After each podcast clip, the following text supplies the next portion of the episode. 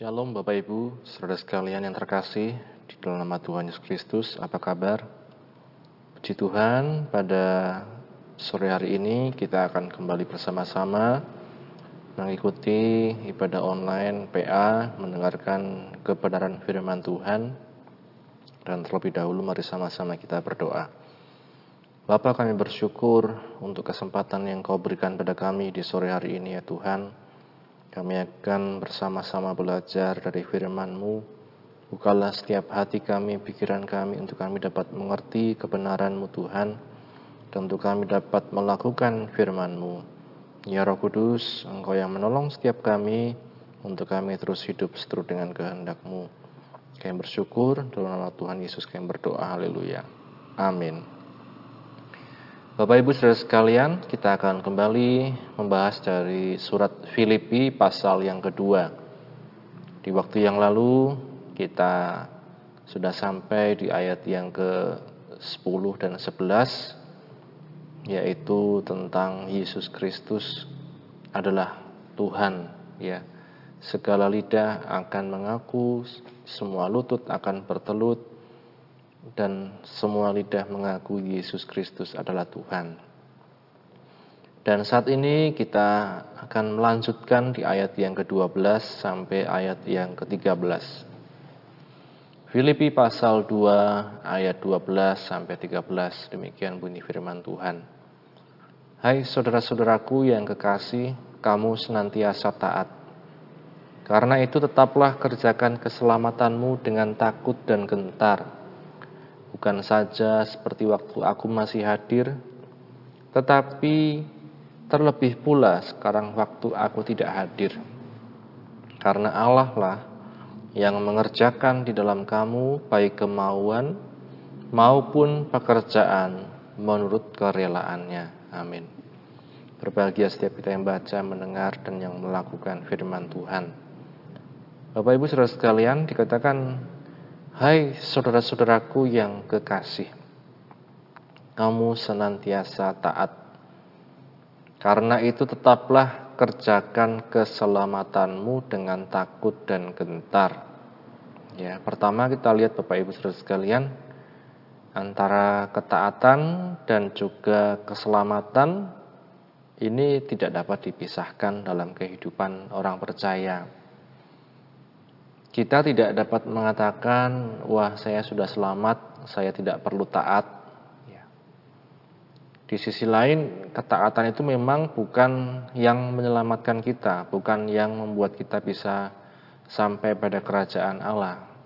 Tetapi hanya kasih karunia Tuhan Yesus yang membuat kita diselamatkan.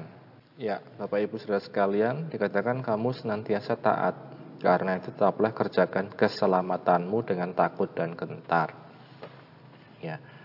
Bukan ketaatan yang itu, bukan ketaatan itu yang menyelamatkan kita, tetapi dikatakan karena kita diselamatkan maka kita taat. Karena kita diselamatkan maka kita mengikut Tuhan dengan takut dan gentar, ya. Bukan dengan satu ketakutan yang membuat kita terus merasa ngeri atau tidak nyaman ya tapi dengan satu ketakutan dan kegentaran yang menunjukkan rasa hormat kita kepada kekudusan Tuhan. Kalau di dalam terjemahan lain Bapak Ibu Saudara sekalian eh, ayat ini dikatakan saudara-saudara yang tercinta sebagaimana kalian selalu taat kepada saya pada waktu saya berada di tengah-tengah kalian maka lebih-lebih sekarang pada waktu berjauhan, hendaklah kalian tetap taat kepada saya. Kalian sudah diselamatkan oleh Allah, jadi berusahalah terus supaya kesejahteraanmu menjadi sempurna. Lakukanlah itu dengan hormat dan takut kepada Allah. Iya. Jadi permasalahan di sini Bapak Ibu Saudara sekalian, eh, Paulus ingin agar setiap jemaat itu memiliki satu tanda ketaatan tidak hanya saat ada orang atau hamba Tuhan yang melihat ya atau pendeta yang melihat apa yang kita kerjakan tetapi bahkan ketika tidak ada yang melihat ketika tidak ada hamba Tuhan ketika tidak ada, tidak ada pendeta Bahkan mungkin tidak ada orang tua yang melihat atau anak yang melihat kita melakukan apa. Hendaknya kita selalu ingat bahwa kita ini sudah diselamatkan oleh Tuhan. Sehingga ada satu kehidupan yang menunjukkan sikap takut akan Tuhan di dalam kehidupan kita sehari-hari. Ya. Dikatakan tadi Rasul Paulus bukan saja seperti waktu aku hadir tetapi terlebih pula sekarang waktu aku tidak hadir. Sebab apa Bapak Ibu Saudara sekalian kalau ada satu istilah mengatakan integritas ya. Melakukan pekerjaan dengan baik meskipun tidak ada yang melihat. Nah, Bapak Ibu Saudara sekalian, ini juga menunjukkan iman kita kepada Tuhan. Iman kita kepada Tuhan. Ibrani pasal yang ke-11 ya, tentang iman kalau kita baca Ibrani pasal yang ke-11 dari ayat yang pertama Iman adalah dasar dari segala sesuatu yang kita harapkan dan bukti dari segala sesuatu yang tidak kita lihat ya. Jadi bukti dari segala sesuatu yang tidak kita lihat itu ditunjukkan dengan iman. Nah, Bapak Ibu Saudara sekalian, Tuhan itu tidak kita lihat dengan kasat mata, dengan mata jasmani. Tetapi ketika kita ada iman, kita beriman bahwa ada Tuhan, maka kita bisa melihat Tuhan meskipun mata jasmani kita tidak melihatnya. Kita bisa merasakan kehadiran Tuhan itu dalam kehidupan kita. Ya. Beriman ya kalau dalam terjemahan lain dikatakan beriman berarti yakin sungguh-sungguh akan apa yang diharapkan, akan hal-hal yang diharapkan. Berarti mempunyai kepastian akan hal-hal yang tidak dilihat. Ya. Nah, Bapak Ibu Saudara sekalian, kita melihat betapa pentingnya dalam hidup kita ini punya iman yang teguh di dalam Tuhan. Iman yang teguh itu seperti apa? Iman yang bisa melihat Tuhan di mana pun kita berada. Saat dilihat orang, saat tidak dilihat orang. Kalau dalam dunia pekerjaan, saat dilihat oleh mungkin atasan kita, kita bekerja dengan baik. Saat tidak dilihat pun, kita bekerja dengan baik. Ya.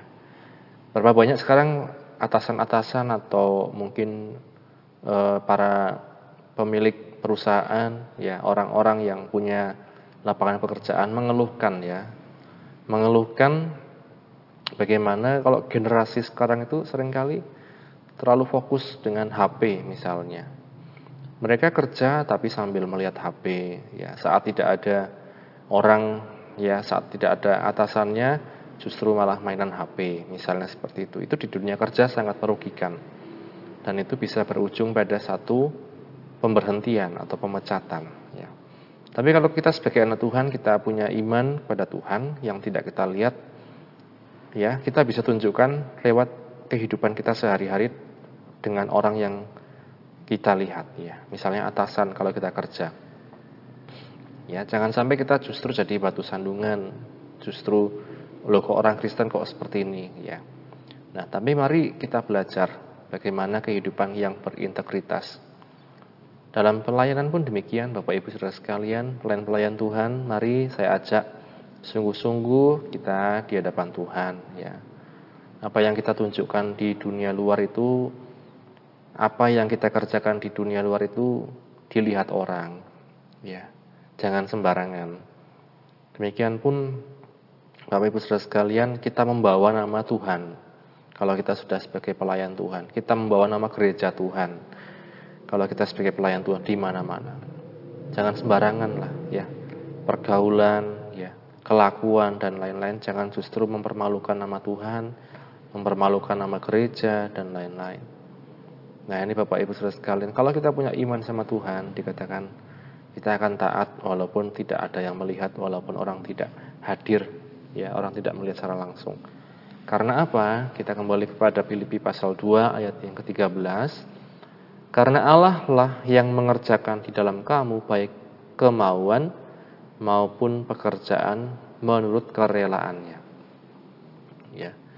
Ayat ini sering kali disalah tafsirkan oleh orang kemudian dia berbicara Ya kan Allah yang mengerjakan, berarti saya hanya menunggu, berarti saya tidak perlu mengusahakan apa-apa ya. Tapi kalau kita lihat di sini Allah lah yang mengerjakan di dalam kamu baik kemauan maupun pekerjaan menurut kerelaannya. Ya.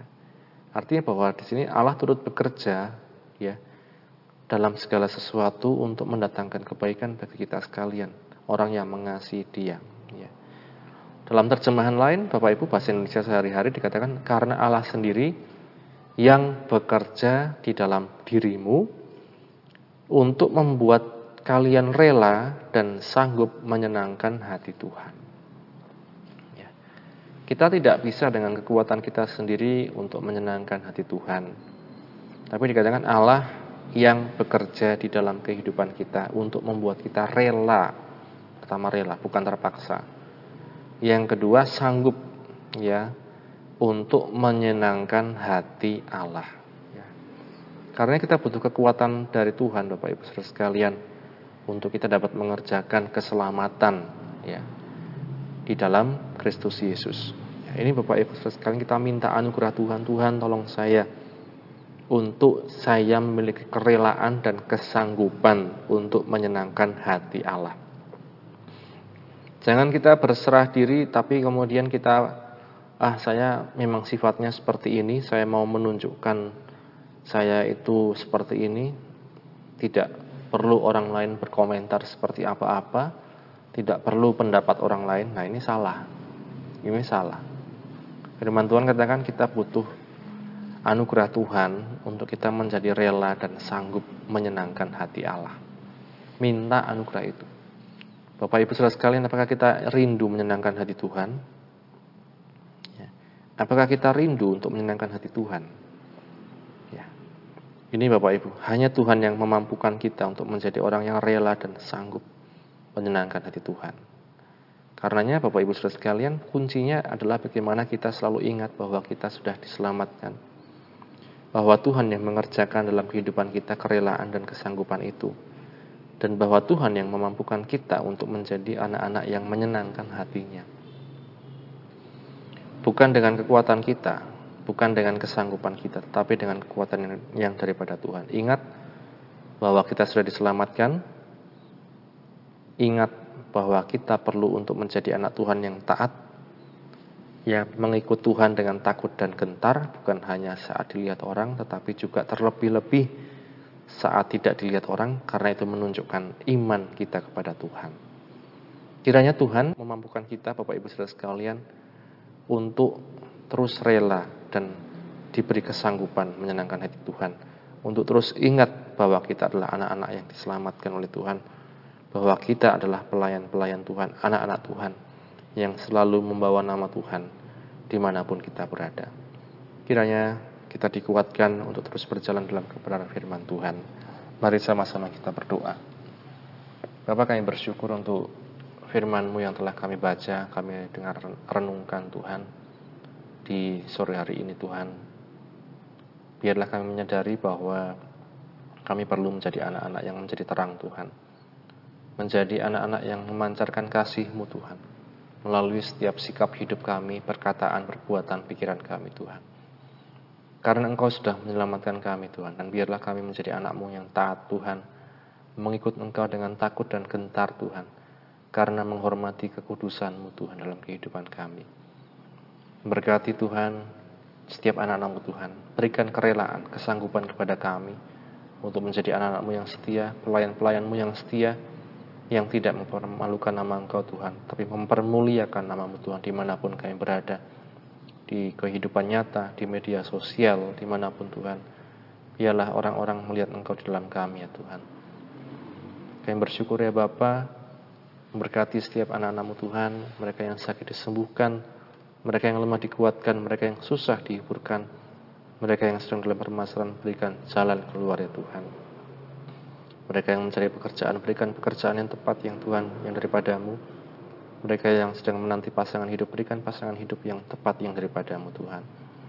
Secara khusus kami juga berdoa untuk putra dari Tante Ayah Tuhan, baik itu Pak Hendro maupun Pak Thomas Tuhan, Engkau yang menjamah dan menyembuhkan, memberikan pemulihan Tuhan.